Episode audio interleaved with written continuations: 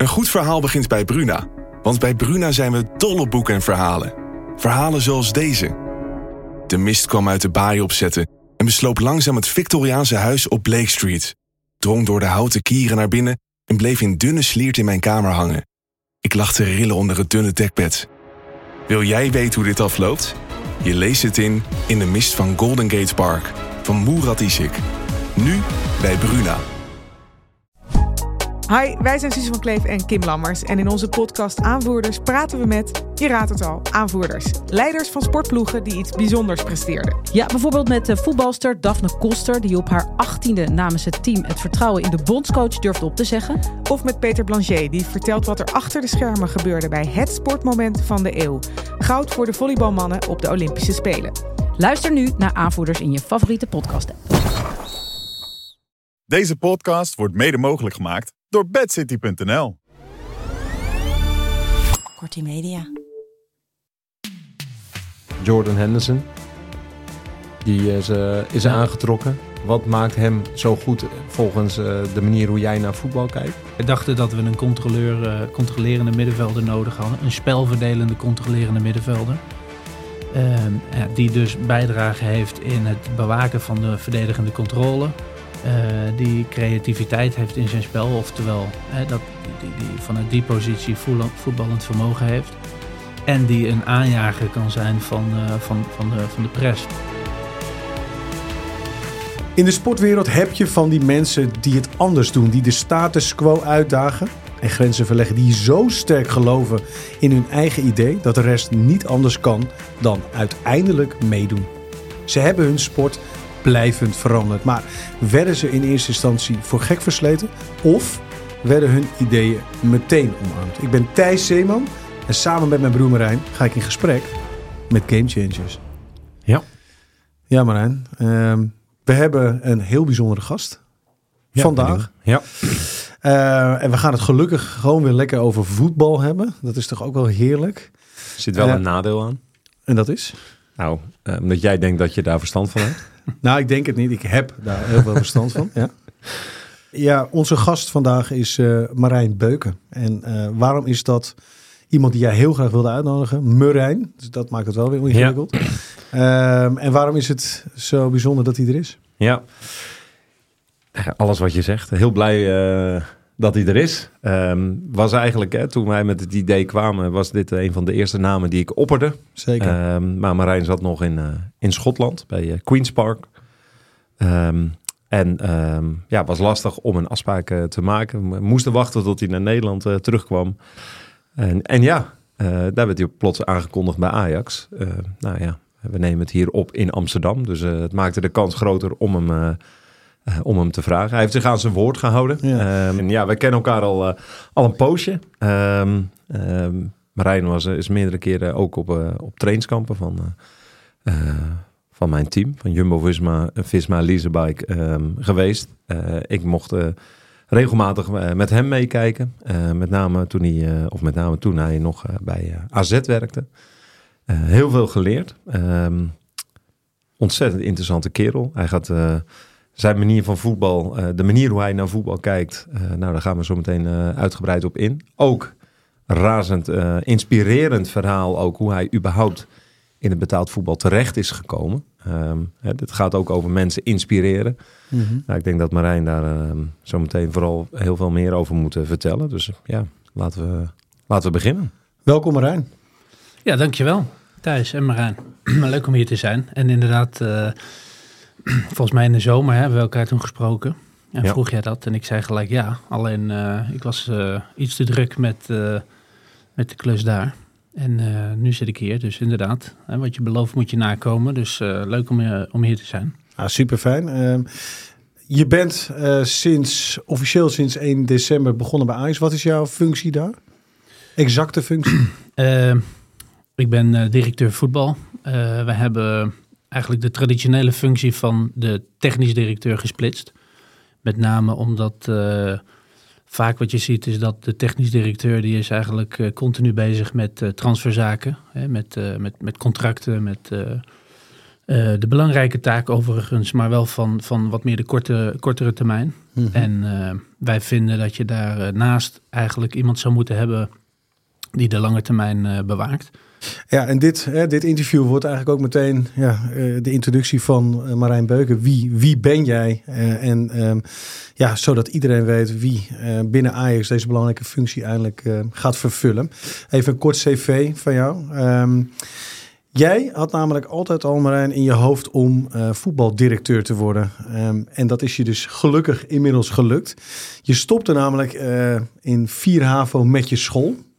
Dus er zit hier iemand die in 4 HAVO gestopt is. Ook wel mooi om te, om te vermelden. Hè? Wel met toestemming van je ouders, begreep ik. Ja, klopt. Ehm, je ging voetbal, je ging je voetbalkennis vergroten met cursussen. En je ging de opleiding aan de Johan Cruijff University volgen. Je vroeg aan diverse clubs of je mee mocht lopen bij hen om kennis op te doen.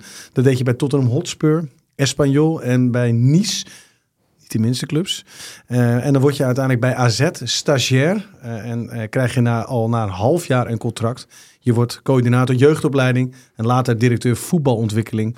Je werd opgemerkt door het Schotse Queen's Park, waar je directeur voetbalzaken werd. En nu ben je dus directeur voetbal bij Ajax. Jij bent dus iemand die gewoon de stoute schoenen aantrekt en clubs opbelt en zegt: Jongens, hier ben ik. Nou ja, ja dat, eh, daar komt het wel een beetje op neer. Eh, ja, ik- eh, nou, deze, deze resume die klopt. Er is wel heel veel nog aan, aan toe te voegen. Maar ik geloof er wel in dat als je iets wil, dan mag je dat ook prima roepen. Alleen dan moet je vervolgens wel zorgen dat elke stap die je maakt en alle keuzes die je zet, dat die daar zeg maar toe bijdragen. En ja, nou goed, dat heb ik gedaan. En ik, ik neem aan dat we daar wat verder over gaan, Heel eh, gaan graag, praten. heel graag. Even de eerste openingsvraag eigenlijk. Kijk, jij, jij bent dus eh, bijna een soort... Nou, je hebt wel cursussen gevolgd, maar ergens zit, ben je ook een soort autodidact. Iemand die zelf actief eh, bezig gaat om je te ontwikkelen. Daarmee heb je natuurlijk een idee ontwikkeld over voetbal, over talentontwikkeling, over het wel of niet aantrekken van spelers en, en misschien ook het bouwen van elftallen. Waar haal jij je inspiratie vandaan? Hoe ben jij ehm, zo wijs geworden in het voetbal? Nou, ik weet niet of ik wijs ben. Ik weet wel dat ik nieuwsgierig ben. En eh, dat ik altijd op zoek eh, wil naar, ja, ik noem het het perfecte programma. Dus eh, dus ik, ik denk dat je vooral heel erg logisch eh, vragen ook moet, moet stellen. Ja, dat begon eigenlijk inderdaad toen ik, ja, wat was ik, 14, 15, 16 was. Dat, dat ik het eigenlijk onzinnig vond dat ik gedwongen werd om bepaalde kennis te reproduceren op de middelbare school. En, eh, en eh, ik, een, ik een duidelijke ambitie had om technisch directeur toen eh, te worden. Wat een beetje gek is als je op die leeftijd bent. Ik, Op die leeftijd al. Nou ja, dat riep ik in ieder geval wel op die leeftijd. En, niet, en geen coach, maar technisch directeur. Ja, ja. En, Want waar zat het verschil dan voor jou? Nou, ik vond eh, het coachingsvak zeg maar te eenzijdig, omdat dat zich vooral richtte op eh, ja, één facet van het totale van een club. En ik wilde eigenlijk alle touwtjes in handen hebben over een, van, een, van een voetbalorganisatie. Ehm, eh, ja, en keuzes maken of eh, zeg maar wat het, wat het beste is om, eh, om, om succes te behalen. Ja, dat, dat, dat is een beetje gek, inderdaad. Hè? Nogmaals, als je 16 was. Maar ik had wel een duidelijke visie en een duidelijke wens. En ik vond in ieder geval niet dat je als eh, anderen voor je gaan bepalen wat jij moet, eh, moet, moet leren. Ik zat toen net in, volgens mij heette dat de tweede fase. Dus dan moest je pakketten halen, een van de vier pakketten kiezen. En eh, ja, ik, ik vond een heleboel verschillende facetten interessant. Ik vond biologie interessant, ik vond taal interessant, ik vond economie interessant. Ik vond überhaupt sport of sport, de wetenschap daarachter, vond ik interessant. Maar ja, dat, dat, dat was niet te combineren. Dus zei ik tegen mijn eh, ouders destijds, ik ga, ja, ik ga stoppen met school. Eh, want ik ga iets anders doen. Ik ga een andere weg eh, bewandelen. En eh, mijn ouders zeiden daar ja tegen, dat is goed. Maar dan, dan, je moet wel wat doen. Nou goed, en vanaf dat moment heb ik mijn pad, pad gekozen. Maar goed, jouw vraag over waar haal je inspiratie vandaan? Ja, ik ga overal op zoek naar waar ik ruimte voor ontwikkeling kan, kan halen. En dat is nu, ook bij deze stap, niet anders. Omdat ik denk dat je overal ja, al, altijd beter kan en altijd wijsheden kan vinden. Eh, en die kan toepassen in een programma, zodat je, daar, eh, zodat je eigenlijk borgt dat die kennis wordt, eh, wordt toegepast. Maar toen jij 16 was, zeg ik, nou, ik wil, ik wil de touwtjes in handen bij een voetbalclub. Maar waren er toen al clubs of technisch directeuren of sportdirecteuren waar je al, die jou al aanspraken in die tijd? Nou, ik weet nog heel goed, dat was 2003 volgens mij. Dat was eh, toen, toen Henk ten Katen en Frank Rijkaard bij Barcelona aan het roer kwamen. Toen was er een fantastische documentaire van Dokwerk, weet ik nog. Één jaar om Barcelona te redden. Dat was de tijd dat eh, Ronaldinho kwam. En in de winterstop toen Edgar Davids, hè, die als een soort... eh, eh, ja, die als een, als een steun achter Ronaldinho het verschil maakte. Maar daar zat, is ook een fantastisch boek van geschreven, het nieuwe Barça. Ja, dat heeft mij eh, on- ontzettend geïnspireerd destijds. Om, eh, maar ik had eigenlijk helemaal niet zo goed eh, beeld over hoe de voetbalwereld nou echt in elkaar zat. Ik had wel de indruk dat er een hoop te winnen was om, om eh, ja, echt een topsportorganisatie in te richten. Ja, vanaf dat moment ben ik ja, keuzes gaan maken om mijn kennis en mijn ervaring te vergroten. En was er dan dat je dacht van, wat voegt Davids dan toe waardoor het een succes wordt? Ja, onder andere. Maar als je die, die documentaire ziet, dan zie je dat de hele, de hele gedachte over hoe je een club leidt en hoe je ja, succes eh, probeert, te, probeert te creëren. Eh, ja, daar zat, eh, ja, daar zat zoveel achter. Maar als ik nu terugdenk, het is natuurlijk ook een tijd helaas geleden, hè, dat ik toen ik 16 was. Dat eh, is lang, lang geleden. maar ik, ik, had daar ook, ik had daar ook weinig echt, echt ik, het was vooral een gevoel wat er was. En daar ben ik daar, daar ben ik vanuit eh, op zoek gegaan. Ja. Je bent je echt gaan eh, ontwikkelen. Je hebt eh, via de Cruyff University, je hebt allerlei andere nou ja, dingen gedaan om, om die wens eigenlijk meer vorm te geven. Als je kijkt, hè, we, nemen een, we nemen een stapje, gaat je uiteindelijk, bied je jezelf aan bij clubs. En dat had natuurlijk wel al met het idee, ik heb wat te bieden. Als je dat even kort kan schetsen, wat vond jij dat jij toe kon voegen? Wat had je allemaal al geleerd? Nou, in het begin eh, had ik dat gevoel helemaal niet. Toen kwam ik eigenlijk vooral halen. Want eh, ik heb eh 50 eh, zaakwaarnemers aangeschreven. Ik heb 50 clubs aangeschreven met de vraag... of tenminste, ik wist wel dat ik ervaring nodig had. Ik wilde het vak leren en vanuit meerdere invalshoeken ja, kijken eigenlijk naar topsport en naar, naar, naar voetbal dan in het specifiek. Eh, de meeste die eh, schrijven dan niet terug. Eh, en sommigen die bellen terug, maar die zeggen, nou, dat doen we eigenlijk niet. En maar wat de- wilde je dan bijvoorbeeld bij zo'n zaak waarnemen? nou, ik heb eigenlijk iedereen aangeschreven met de vraag: Goh, ik, ja, ik, ik, ik ben op weg om technisch directeur te worden van een Europese topclub. Maar ja, ik, ik, ik heb, ik, heb, eh, ehm, ja, ik heb daar eigenlijk geen ervaring. Dus ik wil eigenlijk gewoon gratis eh, ja, meekijken. Nu heet dat volgens mij een snuffelstage. Maar ehm, ja, dus ik heb clubs eh, aangeschreven. En ik heb ook met name, eh, of tenminste clubs en, en agents. Ik heb. ehm, eh, clubs in het buitenland vooral aangeschreven. En ook specifiek in een aantal competities. Omdat ik wist ook dat je als technisch directeur talen moet leren. Ehm, dus ja, zo ben ik naar, naar Frankrijk, naar, naar Spanje. En, Espanyol, Ja. eh, Nice. Tottenham. Nou ja, Tottenham Hotspur was... Overigens, toen werkte ik al bij AZ. En, en, eh, ja, maar net zoals dat ik bij jou veel ben gaan kijken met, Ja. met medewerkers eh, van, van destijds van AZ, zijn we ook naar Tottenham Hotspur geweest. Maar dat is uiteindelijk de continue eh, zoektocht naar ja, hoe, hoe kunnen dingen beter. Dus jij bent, hè, want Marijn, zo is, hij, is Marijn, Marijn ook bij jou terechtgekomen. We hebben dus te maken met iemand die van jongs af aan zegt: Ik wil technisch directeur worden. En eigenlijk vanaf dat moment één doel heeft. Ehm, ja, ik, ik heb dat ook een keer, of ik heb het gelezen of ik heb het gehoord, maar want ben jij, ehm, jij bent bij Toon Gerbrands naar binnen gelopen, toch? Die was destijds directeur bij AZ, klopt dat? Of? Ehm, nou ja, ik heb net zo'n brief op een gegeven moment naar, eh naar AZ geschreven. En ik heb gezegd, eh, ik wil, ik wil, ja, want ik, wil, ik wist dat daar, ik had het idee dat daar anders werd gedacht. Je had eh Co Adriaanse, Louis van Gaal, Marcel Brands, Toon Gerbrands. Eh, dus ik dacht, ja... Alois Wijnker al op de jeugdopleiding? al Ja, toen nou dat was Ja. degene die ik uiteindelijk, eh, daar- schreef ik de, de brief eh, aan. En met eigenlijk de vraag, goh, ja, ik wil bij jullie kijken. Ik, ik zat toen op de University van Johan Cruijff, derde jaar. Daar moest je ergens een praktijkopdracht doen. Uh, dus ik zei ja, ik woonde toen in Arnhem, daar, daar ben ik geboren getogen. Dus uh, ik wilde per se naar Alkmaar. En, uh, maar het antwoord op die brief was eigenlijk van ja, nou, dat is mooi, maar ja, we hebben eigenlijk geen plek. Dus ik ben er toch heen gereden. Gewoon op de Bonnefoy? Nee, nee, dus ik werd wel uitgenodigd, maar bij aan de voorkant werd toch gezegd, ja, we hebben eigenlijk niet, niet, geen plek, geen opdracht, uh, ja, we kunnen hier niet betalen. En ik zei, nou, dat, dat, dat is niet erg. Ik, ik, kom er wel naartoe, ik regel wel dat ik daar ga wonen, naar huis. En, uh, maar ik zei ook, uh, ik, ik ga dan, uh, dan verzin ik wel mijn opdracht. Hè. Dan ga ik onderzoeken hoe we binnen, binnen vijf jaar de beste opleiding van Nederland worden. En dan weet ik zeker, dan geef jij mij over een half jaar wel een contract. Dat nou, zei je tegen Toon Gerbrand, zei je dan? Nou, dat was in dat eerste gesprek was dat met, met Alois Wijnker. En wat meer met, met Marcel Brands was toen TD. Ja.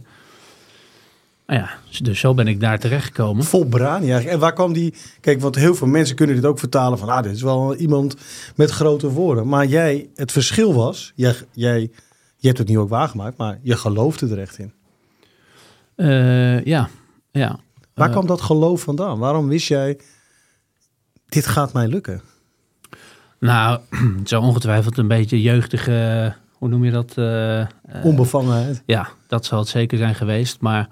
Uh, ja, ik weet nog, mijn, mijn, mijn moeder heeft mij altijd een lijfspreuk uh, geleerd. Uh, Nil volentibus ardum. En dat betekent uh, in het Latijn is dat niets is onmogelijk voor hen die willen. Ja, dat, dat, dat heb ik. Maar dat heb ik overigens nog, nog steeds. En ja, je kan, je kan dingen roepen. Maar ehm, ik vind het dan, als je dat roept... En ik vind eigenlijk ook ergens dat dat belangrijk is om het te roepen. Want dan creëer je een soort van verplichting met jezelf. Ja. Maar vervolgens moet je wel gaan zorgen dat, uh, ja, dat alle, alle acties en elk details, dat dat richting je doel gaat. Anders inderdaad ben je vooral aan het, uh, aan het uh, lullen. Maar dan, ja. dan, komt er niet veel hey, Je moet terecht. wel volgen natuurlijk met daden. Even, hè, want we, we gaan... Kijk, we, we, ontkomen niet aan dat we snel door bepaalde dingen heen moeten gaan. Maar je kwam daaraan en je zegt binnen een half jaar gaan jullie me echt wel een contract geven. Want dan zien jullie dat, dat ik van waarde ben. Dat is je gelukt. Nou ja, ik kwam in een organisatie bij AZ waarin, uh, waarin het was nog een vrij jonge organisatie qua opleiding.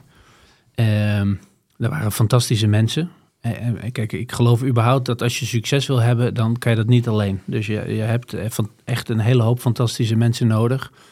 Uh, die met z'n allen dezelfde uh, kant op bewegen. Ja. Alleen. Ja, wat, sorry, ik ga je ik onderbreek je. Nou, toen, toen ik, toen ik kijk, uiteindelijk uh, ben ik daar bij AZ terechtgekomen, dus ik ben daarheen verhuisd. En uh, um, ja, ik ging, ik ging met mensen in gesprek, ik ging vragen stellen. Ik ging, kijk, ik ben geen trainer, ik ben geen wetenschapper, ik ben geen inspanningsfysioloog, geen dokter.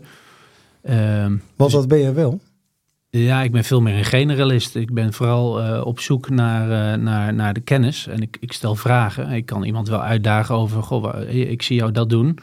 Maar jij zegt dat uh, het tegenovergestelde, waar ligt dat verschil? Of als wij training geven, is mijn eerste vraag, goh, wat is nou echt training geven? Hoe, hoe werkt dat eigenlijk in het, in het brein van een mens?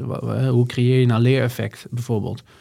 Nou, dat zijn vanuit nieuwsgierigheid vragen die je dan stelt. Ja. Nou, die kan ik met uh, vakmannen, uh, trainers stellen. Maar dan denk ik, god, dan ga ik ook naar een neurowetenschapper. Hoe zit dat daar? En uh, hoe, hoe, kan je dat dan trainbaar maken? Nou, nou zo, zo, zo, vanuit die nieuwsgierigheid ga je op zoek naar hoe je dat programma kan verrijken. En wat werd uiteindelijk jouw functie bij AZ? ja, Kijk, in de loop der jaren heb ik verschillende titels gehad, maar de, de, de, de, essentie van mijn werk is altijd hetzelfde. Sterker nog, dat is nu nog steeds hetzelfde. En dat is vooral een, een, een ja, het programma bewaken. En zorgen dat er het best mogelijke programma is. En zorgen dat de mensen op de werkvloer, de vertalers van dat programma, dat met de hoogste kwaliteit kunnen vertalen. Dus jij bent de programmabewaker. Nou ja, kijk, wat je wil voorkomen is uh, dat je dingen doet die A, die niet werken. Uh, maar, mm -hmm. maar wat ook niet werkt, is dat de verschillende coaches of, of, vakmensen die je hebt, dat die allemaal op hun manier iets anders doen. Hè, dus uh, voor mij begint het altijd met, kijk, okay, uiteindelijk staat winnen centraal, ook mm -hmm. bij mij. Hè, maar dan is de vraag, en die stelt bijna niemand, maar hoe ziet winnen eruit? Dus als jij roept dat je kampioen wil worden of je, of je wil de Champions League winnen, dan moet je eerst heel goed gaan analyseren hoe dat eruit ziet. Dus hoe ziet succes eruit? Wat is daarvoor nodig? Wat is een winnend team? Wat is voor jou een winnend team? Nou ja, ehm, uiteindelijk, uiteindelijk deel je dat, eh, of probeer je dat op te, op te delen naar. De, er zit een bepaalde kwaliteit van spelers in. Uit, dus kwaliteit is wel leidend. Hè? Dus dat je spelers hebt die bijdragen aan scoren. Spelers die eh, bijdragen aan scoren voorkomen. En dat is een mooie uitspraak van Cruijff. Uh, Johan Cruijff die, uh, die bijvoorbeeld zegt... je kan kampioen worden als je 50 tegengoals krijgt. Alleen dan moet je 120 keer scoren. Je kan ook kampioen worden als je 50 keer scoort... maar dan mag je er maar 5 tegen krijgen. Hè, dus je hebt uh, spelers nodig die hoge bijdrage hebben aan, aan tot scoren komen... En, en die een lage of ook een hoge bijdrage hebben aan scoren van de tegenstander voorkomen. En betekent dat dus dat je van tevoren, als je zegt uh, dat je dan een keus moet maken? Van dit is, dit is, kijk, wat je zegt, zei van je kan een winnend team hebben door heel veel te scoren, kun je er veel tegen krijgen. Je kan ook een winnend team hebben die scoren wat minder, krijgen er minder tegen. Maar het belangrijkste is dan wel dat je dus een keus maakt en dat je dus niet dat gaat mixen. Nou, ik zou liever heel veel goals maken en heel weinig tegen. Dus dan, uh, maar dit is, dit is redelijk helder. Uh, het betekent in ieder geval dat je op zoek moet gaan als je naar spelers kijkt, naar welke spelers bijdragen aan scoren en welke aan scoren voorkomen. En, en het liefst beide. Nou, dan is er een bepaalde teambalans waar je naar kijkt. Hè? Dus hoe creëer je een complementair team? Uh, dat, je, dat je spelers hebt die op een verschillende manier bijdragen hebben aan, uh, aan, aan winnen. Uh, kijk Heb je dan over technische vaardigheden? Ja, of? ja, ja dus, dus een bepaalde hoeveelheid creatief vermogen, een bepaalde hoeveelheid controle, dynamiek, scorend vermogen. je, kijkt ook, je kijkt ook naar de stabiliteit van teams. Hè? Dus teams die lang met elkaar samenwerken, die, ja, die hebben een hogere kans op uh, succes. Nou, hoeveel spelers zitten er dan vaak in een winnend team? Dus, dus maar vaak... dat zijn ook dingen die jij ook allemaal hebt uitgezocht. Hè? Dus uh, dat, de, de meest succesvolle teams in Europa. Uh, ja, ja, Onder andere hoe lang die ook bij elkaar zijn. En... Ja, nou ja, uiteindelijk zoek je dat met elkaar uit. Alleen ik probeer wel vaak die vraag te stellen. Ja. Dus, ja. dus ik, wil, ik wil eigenlijk alles kunnen begrijpen zelf. Zeg maar, mm -hmm. vanuit nieuwsgierigheid. Uh, maar ook bijvoorbeeld een vraag: hoeveel spelers heb je nou eigenlijk nodig om, uh, om succes te boeken? Nou, dat, je hebt, hoe, hoe kleiner jouw, uh, in die zin, hoe kleiner de hoeveelheid spelers die je gebruikt, hoe groter de kans op succes. dus in een, in, een, in een team dat kampioen wordt, hebben maar 14 tot 16 spelers, maken 95% van de speelminuten. Hm. Nou, daar zit. Daar zit daar zit wijsheid achter als je daar met oud-spelers over spreekt. En, nou, dat probeer ik ook vaak te doen. Wat voor wijsheid zit daarin? Nou, daar, daar, daar haal je, ja, natuurlijk, hoe meer stabieler, hoe meer ingespeeld je raakt. Ja. Nou, Miste je dat bij AZ? Dat, dat die gedachte daar helemaal niet was? Want je zegt, ik voeg het toe. Nou, uh, toen ik daar kwam, maar ja, dat was 2006.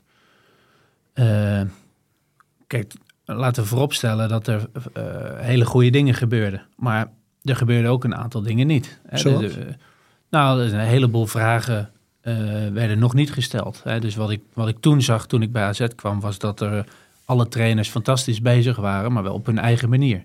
Dus een logische vraag die ik probeerde te stellen samen met de mensen is, nou, wat is nou onze manier? Wat is nou de, de, de leerlijn eigenlijk in tien jaar? Uh, nou, dat was eigenlijk alleen een leerlijn op voetbalgebied. En waren we net pas begonnen met een fysieke leerlijn. Maar hoe zat het met andere disciplines om een speler te beïnvloeden? Wat meer de topsportleerlijn. Zoals? Nou, want waar moet ik dan aan denken? Nou, uh, op voetbalgebied bijvoorbeeld hoe je, hoe je speelt, hoe je opleidt. Als je het hebt over spelintelligentie of creativiteit, moet je eerst gaan begrijpen wat is dat dan?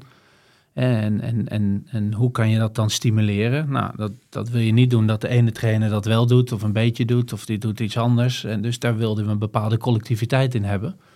Um, je hebt het ook vaak over taal. Hè? Dus echt letterlijk gewoon de taal die je spreekt met spelers. Dat moet wel de gelijke ta taal zijn.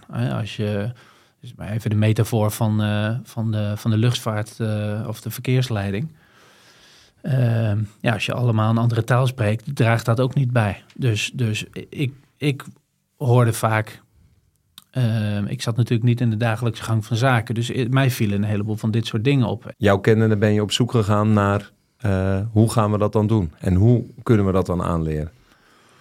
Ja, dus je wil dat iedereen uh, dingen doet vanuit een bepaalde visie, een rode draad. Dat is één. Je wil ook dat dat uh, relevant en onderbouwd is. Dat is wel een hele belangrijke. Want, want je kan een heleboel dingen doen, maar ga nou echt eens eerst doen met dat wat echt bijdraagt aan winnen. Uh, en dan de derde is, je wil, je wil ook zorgen dat je dat met elkaar als collectief elke dag vertaalt naar het voetbalveld. Je kan er mooi over praten en je kan mooie plannen schrijven, maar uh, we moeten vandaag doen wat we gisteren zeiden dat we gingen doen. Nou, de, de, de, realiteit leert... Dat zijn eigenlijk jouw drie uitgangspunten, begrijp ik. Ja, dat zijn wel heel, drie hele belangrijke uh, pijlers. Uh, als je echt wil winnen, dan uh, kom je niet met goed weg. Hè. Dan moet je echt zorgen dat elk detail over nagedacht is en dat dat echt bijdraagt in de maximale vorm tot de best mogelijke prestatie. Ja. En dat is in een, in een opleiding of een opleidingsclub is dat al helemaal zo. Want, want het opbouwen van een, noem het maar even, complete speler, ja, dat is niet een een kort, en maar ook geen makkelijk proces. Dus dat werkt alleen als je echt met elkaar in alle details op zoek gaat naar, naar het beste en dan wegzet in een, in een tienjarenplan. Je gaat naar Queen's Park Rangers, uh, Schotland oudste club, niet te verwarren met... Het Engelse Queen's Park? Nou, dat heb je net gedaan. Hè? Dus Queen's Rangers Park hoort er niet achter, hè? Nee, nee. nee sorry, ja, ja, ja. Queen's Park, want... Ja. Uh, dat dacht ik dat ook bij mijn sollicitatie. Club. Ja, de andere is Queen... Nee, maar dat heet niet meer zo nu, toch? Queen's Park Rangers heet niet meer zo. Ja, na een faillissement, toch? Nee, QPR is uh, in uh, Londen. Ja. En uh, ik zit, of ik zat bij Queen's Park. FC. Ja, even vooral daar, Queen's Park. Maar als jij, hè, daar, daar mocht je met een, met een blanco blad beginnen. Maar waar begin jij dan? En wat is, nou ja, wat is jouw alles overkoepelende visie?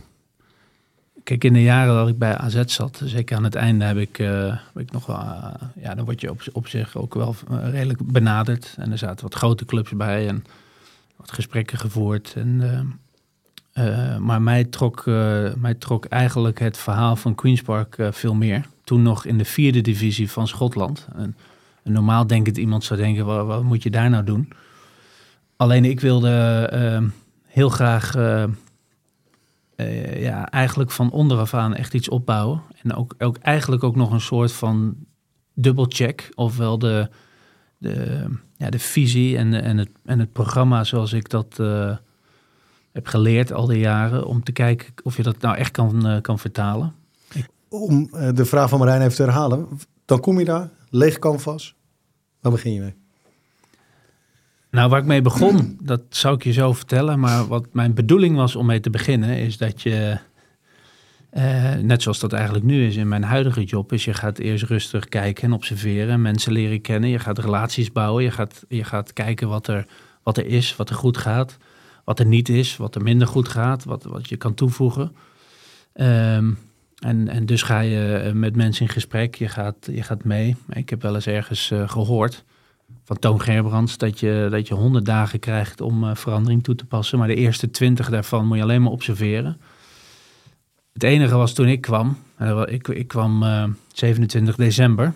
28 december was er een wedstrijd van het eerste elftal. En op 29 december besloot het bestuur toch nog uit emotie om de trainer opzij te zetten. En op 31 december van dat jaar werd ik gevraagd of ik uh, hoofdtrainer uh, wilde worden. En ehm, wat mij, eh, dat is niet mijn ambitie. En dat is ook, ook niet waar ik een specialist in ben en wil zijn. Alleen, uh, ja, ook toch een beetje uit noodzaak heb ik dat gedaan. Maar met name omdat dat een eerste middel was om de cultuur te veranderen. En, en, en uiteindelijk is dat het. Dat zijn denk ik de eerste stappen. Je moet goed observeren en kijken wat er is. Niet te vroeg, vroeg conclusies trekken. En uiteindelijk begint het met, met cultuur. Dus dat is ja, eigenlijk de, de, de, de, manier van omgaan, hè, wat je gewend bent om met elkaar om te gaan. En ja, daar zijn een aantal wetten in de topsport waarin ik de organisatie heb getoetst. Mm -hmm. um, wat zijn dat?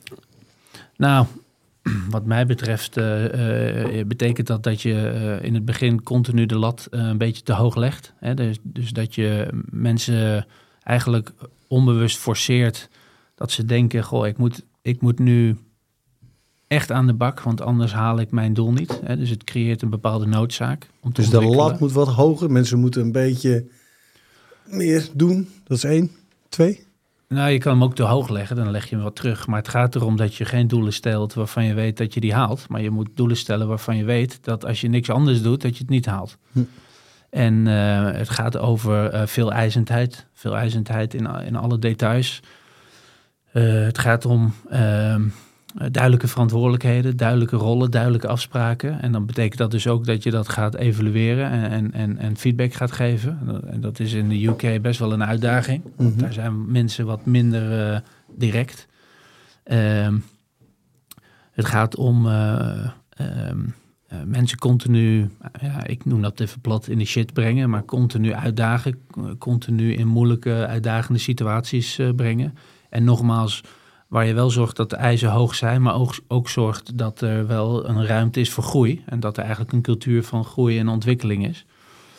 Ehm, nou ja, dus, dus, dus dat ben ik gaan doen. Dus dat ben ik aan, aan alle stafleden ben ik, eh, ben ik dat uit gaan leggen. Wat wel scheelde is dat er, eh, omdat er niks was, dat ik redelijk een programma kon neerleggen van dit zijn de uitgangspunten van hoe wij trainen. Mhm. En ze daarin bevragen om met elkaar dat, dat, dat programma eigenlijk in te vullen. Dus als je heel duidelijk weet waar je naartoe wil en je weet een aantal eh, eh, principes over hoe mensen leren, hoe, wat een talent is, wat nou echt een talent is, eh, spelintelligentie, nou, dat is belangrijk. Maar wat is dat?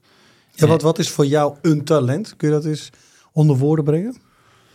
Ehm, nou ja, ik probeer altijd eh, spelers, ik probeer altijd eh, grip te krijgen op, eh, noem het maar even de sportieve waarde van een speler. En dat zit op twee vlakken. Dat, dat heeft met prestatie te maken, zijn huidige bijdrage aan, aan winnen. En dat heeft met potentieel te maken dat je kan hebben om fantastisch te worden. Ehm, nou, dus, dus, dus kijk je daar naar bepaalde fysieke capaciteiten, je kijkt naar bepaalde voetbalcapaciteiten, functionele techniek, spelintelligentie.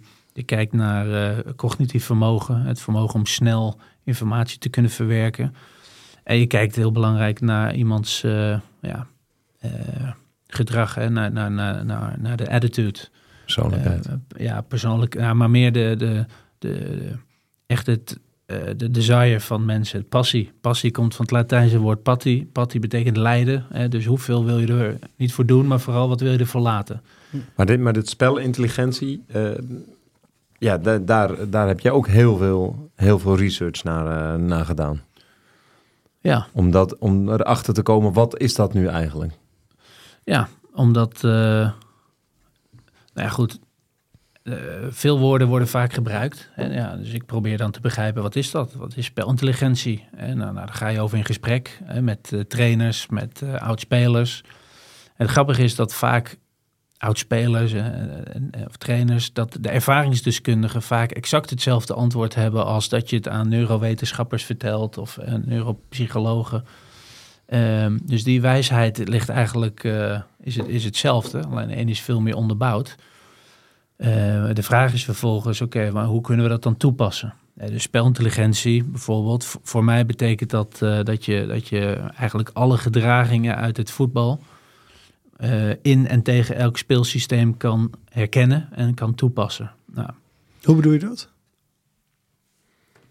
Nou, ehm, intelligente spelers, wat, wat die hebben, is. eh, ehm, die hebben letterlijk heel veel ervaringspatronen in hun lange termijn geheugen. Eh, maar vooral ze hebben. ja, of, of, ik noem dat voetbalgedragingen. Hè, dus dat zijn voetbalgedragingen waarmee jij. maar het maakt niet uit of je nou 4-4-2 speelt of 4-3-3 speelt of 3-5-2 speelt. Maar de, de, ander woord is vaak principes, maar het, het, zijn, het, het zijn inzichtelijke acties die jij toepast. Ehm, maar je wil daar een, eh, als het ware een helikopterview, wil je een speler laten kijken naar de situatie. En je wil dat hij op hoge snelheid daar een juiste keuze in maakt. Dus het, spelintelligentie is het beïnvloeden van tijd en ruimte. Het meeste zijn over tijd en ruimte. En dat een speler dat kan. Dus een, een intelligente speler is iemand die in ieder systeem snel beslissingen kan nemen en ook de volgende stap naar zijn eerste paas of zo kan begrijpen. Hoe moet, hoe moet ik het concreet zien? Nou ja, dat is het eindplaatje. eh, eindplaatje. Eh, Eind, eindplaatje is dat spelers kunnen herkennen welke situatie op het veld is, omdat ze dat al eerder hebben meegemaakt en, eh, en, en een succesvolle keuze kunnen uitvoeren. En inderdaad, spelers dan ook nog met een, met een goed gevoel voor speelintelligentie en een goed cognitief vermogen kunnen dat ook nog eens vier, vijf stappen vooruit denken.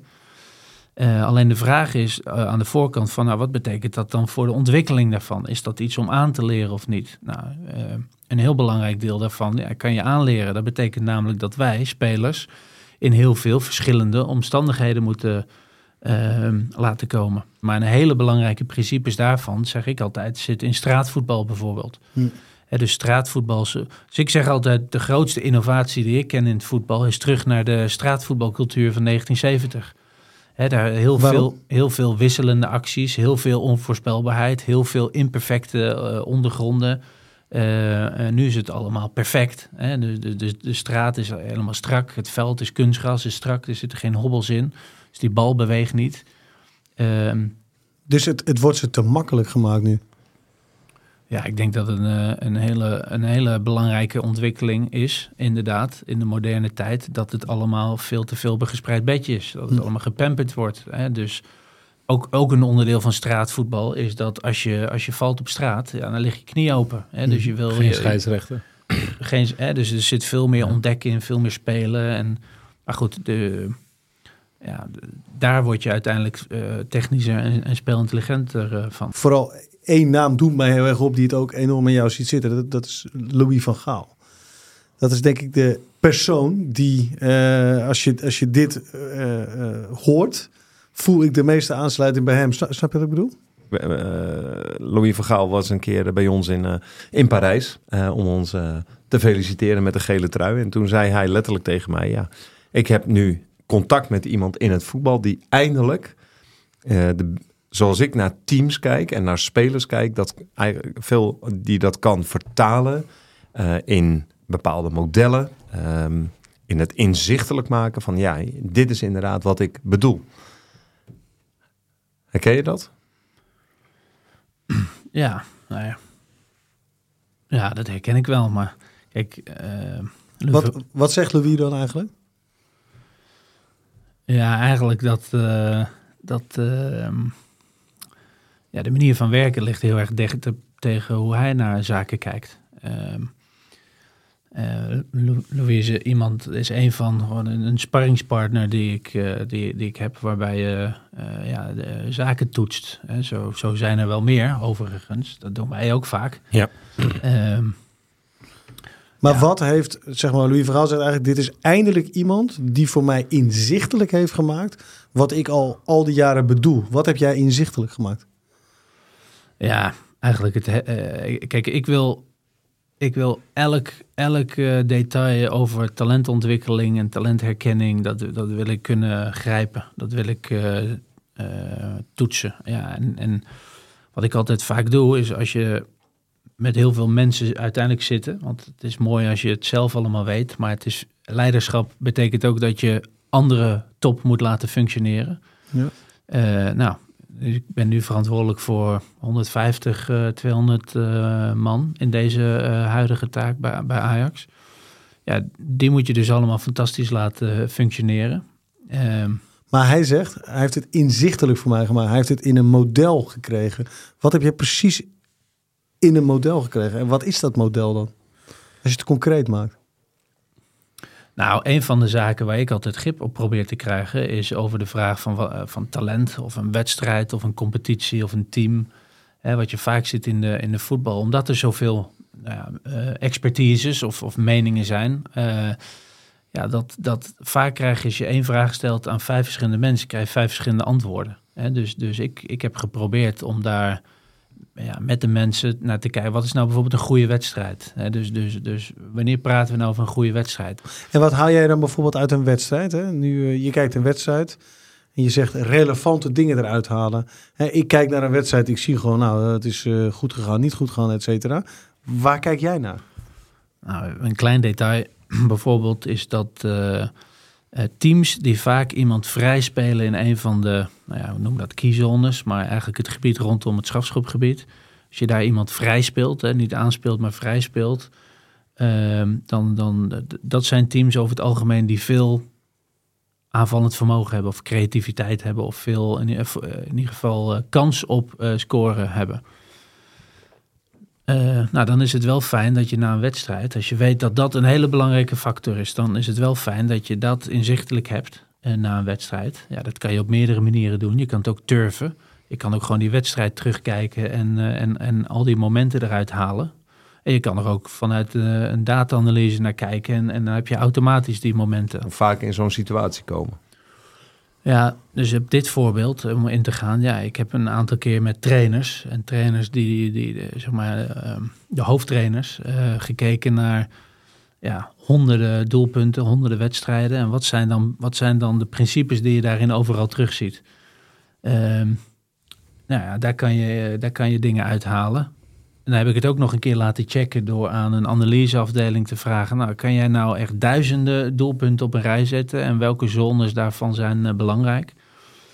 Ehm, nou ja, en dan is, dan is de vraag inderdaad, hoe kan je dit, dit facet, hoe kan je dat nou eigenlijk ja, grijpen, niet laten glippen? Ehm, Ja, en het was reden voor eh, eh, Van Gaal om te zeggen hij moet bij Ajax komen. Wat, wat vond hij dat jij aan dit Ajax toe moest voegen? ja, dat zou je aan hem moeten vragen. Maar wat denk jij? Wat, laat ik het anders zeggen. Wat ga jij toevoegen aan Ajax? Ehm, je, je, je ziet hoe groter een organisatie, hoe moeilijker het is om mensen op één lijn eh, te krijgen. Eh, dus, dus ja, goed, ik vind het eerst netter om al mijn bevindingen intern met de mensen eh, te bespreken. Maar er is, de, ja, er zijn... Connectiviteit voor jou is essentieel, toch? ja, het beste programma die je eh, onderbouwt en relevant eh, eh, maakt. En dan als collectief elke dag vertaalt naar de werkvloer. Ja, dat is. En dan binnen een cultuur waarin topsport, en waarin eigenlijk presteren op één staat. En wat, en wat voor, ehm, eh, wat voor spelers, we, zijn, we gaan vijf jaar vooruit in de tijd of tien jaar vooruit in de tijd. Wat voor ambitie heb jij met, met jouw team om, om wat voor spelers om, om op te leiden? Ja, kijk, mijn persoonlijke ambitie is om de Champions League te winnen. En eh, dat, eh, dat hoeven niet van de daken te schreeuwen dat dat per se eh, volgend jaar moet gebeuren. Maar het forceert in ieder geval een hele organisatie dat je dan denkt, goh, dan, dan moeten we echt in elk detail echt het hoogste niveau hebben. Anders gaat ons dat niet lukken. Tegen teams met veel meer geld. Dus je gaat al ook weer anders denken of logisch denken.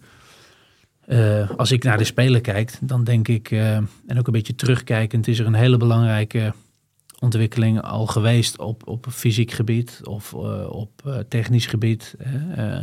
voor mij is dat ook de, de Ajax-speler. Dat start met spelintelligentie, met gochme, met, met het lezen van het spel op hoge snelheid. Ook met, met, met zachte voetjes de, eh, ja, slimme keuzes maken. Dat, dat, zo, dat is voor mij typeert het, eh, het, eh, de Ajax-speler zoals ik hem vanuit 1970, 1980, 1990 ken. En moet dat dan weer terugkomen? Of zit het er al in, maar is het nu, eh, moet het nu vooral een speerpunt worden dan?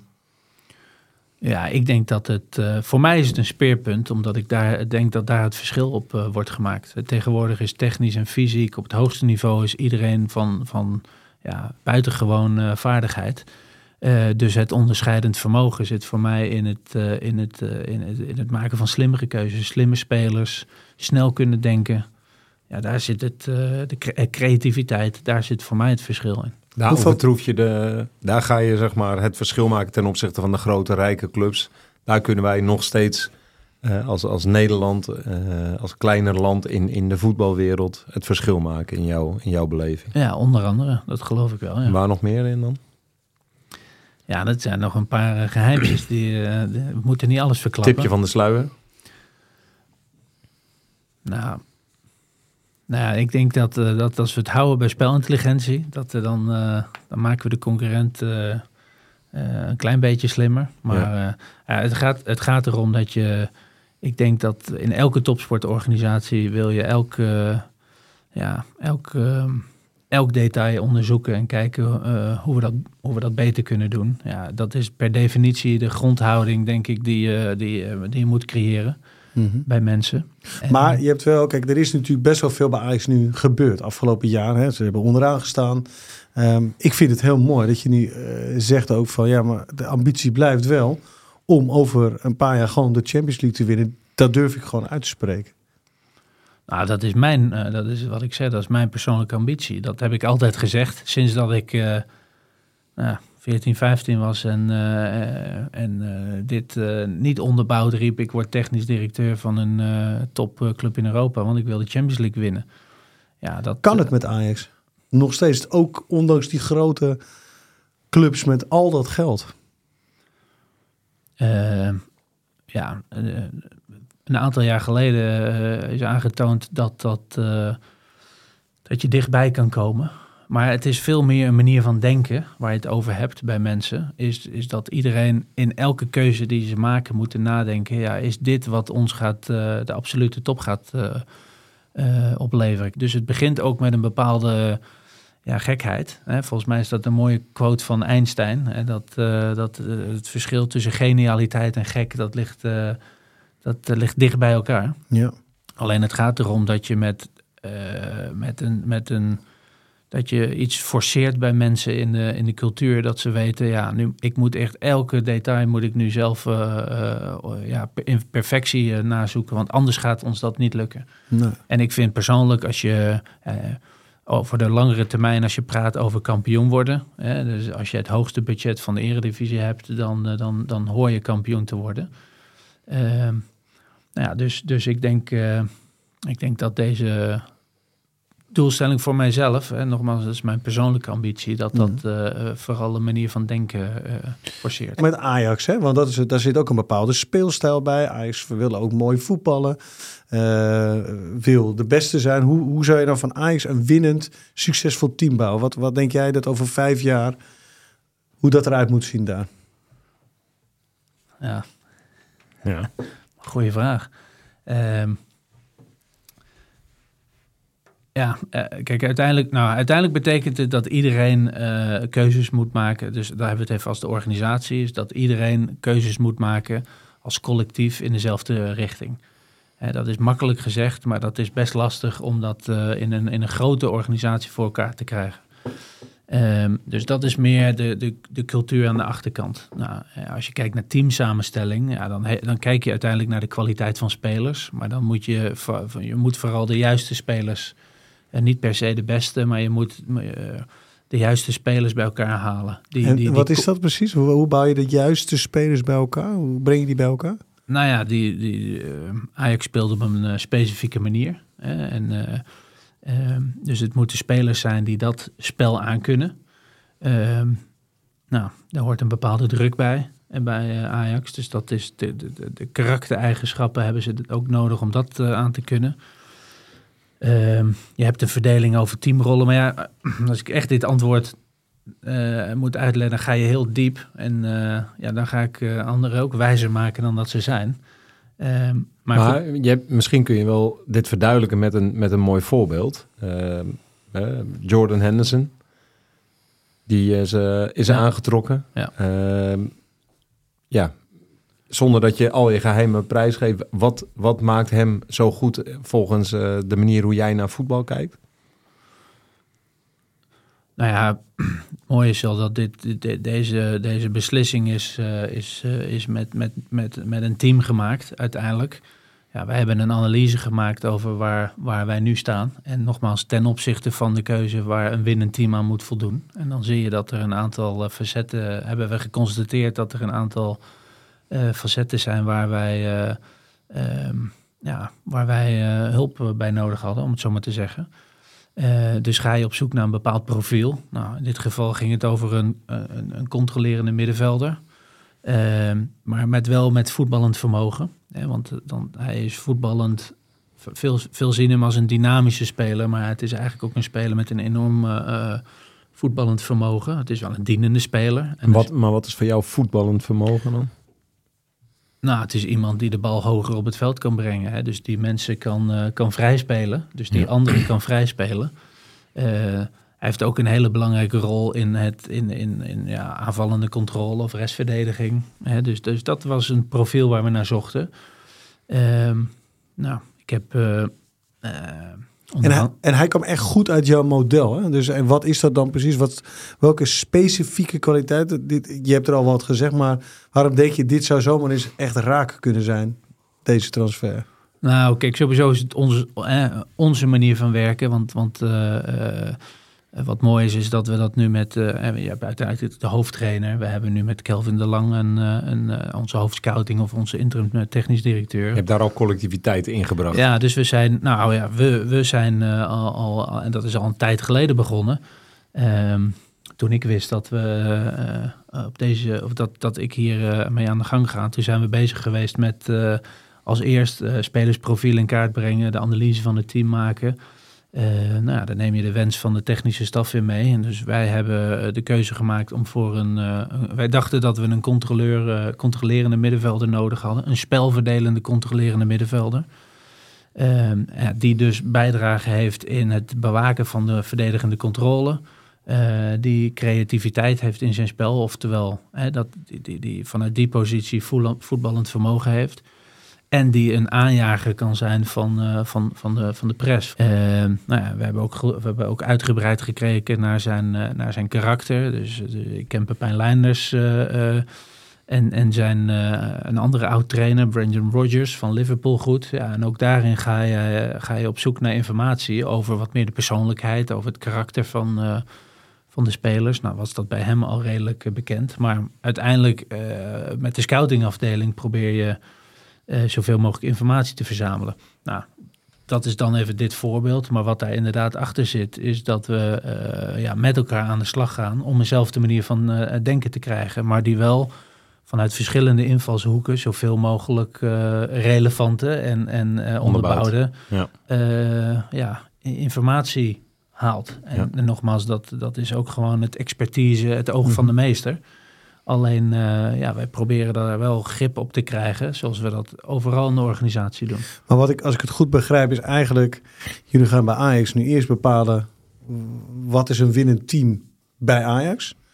Welke spelers passen daarbij? Het, het klinkt voor mij ook heel simpel. En dat is misschien ook juist de kracht. Hè? De beste dingen zijn ook simpel. Maar als ik dan kijk wat er, hè, hoeveel spelers er in de zomer zijn gekomen... waar, waar iedereen nu van... Waar de trainer, voormalige trainer Stijn ook van zei... ja, ik, weet, ik ken die spelers eigenlijk niet. Dat staat dus heel ver eh, vandaan bij hoe jij naar een succesvolle voetbalorganisatie kijkt. Nou ja, hoe wij naar een eh, succesvolle eh, organisatie kijken, inderdaad. Ja, ik denk dat, nou ja, nogmaals, ja, we komen telkens op dezelfde woorden terug. Hè, maar collectiviteit is belangrijk. Maar ja, dan, en daar kan je hard in discussiëren als je, als je maar weet wat de relevante eh, eh, ja, eigenschappen zijn waar je naar zoekt.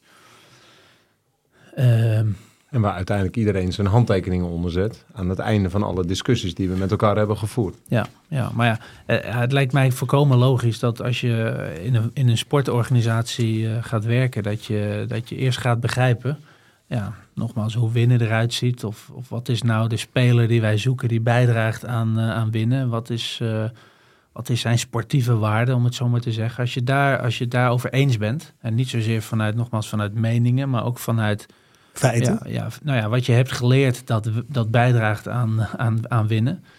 Ja, dan ga je daarna op zoek. Dus, dus ik heb in al die jaren eh, geleerd dat... eh, ja, er is ook heel veel... Er is zoveel informatie. Eh, daar hoef je niet altijd alles mee te doen. Dus je, je moet vooral inzoomen op waarvan jij weet... dat dat de grootste ja, voorspellers van succes zijn. Ja. En eh, je gaat het nooit eh 100% kunnen voorspellen... maar je kan wel de kans op een slechte keuze beperken. Hoe heb je dan van de zomer naar, naar jouw club van nu naar Ajax gekeken toen dit allemaal gebeurde? Nou ja, ik was vooral ook zelf in die tijd heel erg druk met mijn eh, club toen de tijd. Ehm, net niet gepromoveerd, anders zou dat de derde promotie op, eh, op rij zijn geweest. Maar, dus ik heb dat van een afstandje bekeken. eh, en dan kijk je altijd van buiten naar binnen, dus dan weet je niet helemaal wat er, wat er speelt. Maar ja, je kan wel zeggen dat, eh, dat het eh, wellicht benadrukt dat samenwerken en, eh, en collectiviteit, dat dat, ja, dat dat belangrijk is om te doen. En nou ja, daar heb ik ook wel signalen toen in de zomer van gekregen dat dat wellicht niet helemaal ja, ideaal was, om het zo Nee, maar te zeggen. ja. En dan zie je ook meteen wat er dan gebeurt als het gewoon toch eilandjes zijn. Lijkt, hè? Want ik kijk ook van buiten naar binnen. Maar als ik jou hoor en zeg, ja, het moet allemaal in dienst zijn van één plan. En toen kwamen er in één keer elf, eh, elf spelers waar, ja, waar volgens mij niet echt collectiviteit over was. Maar dat is even mijn eh, persoonlijke indruk van, vanuit het supportersoog. Ja. Ja. ja, nou, dat was geen vraag, toch? Nee. Je luisterde naar Game Changers. Mijn naam is Thijs Zeeman en tegenover mij zit mijn broer Marijn. Abonneer je op onze podcast in je favoriete app en dan krijg je namelijk een melding bij een nieuwe aflevering. En tips kunnen naar gamechangers.kortimedia.nl Dank voor het luisteren. Dank Marijn voor je komst en graag tot volgende week.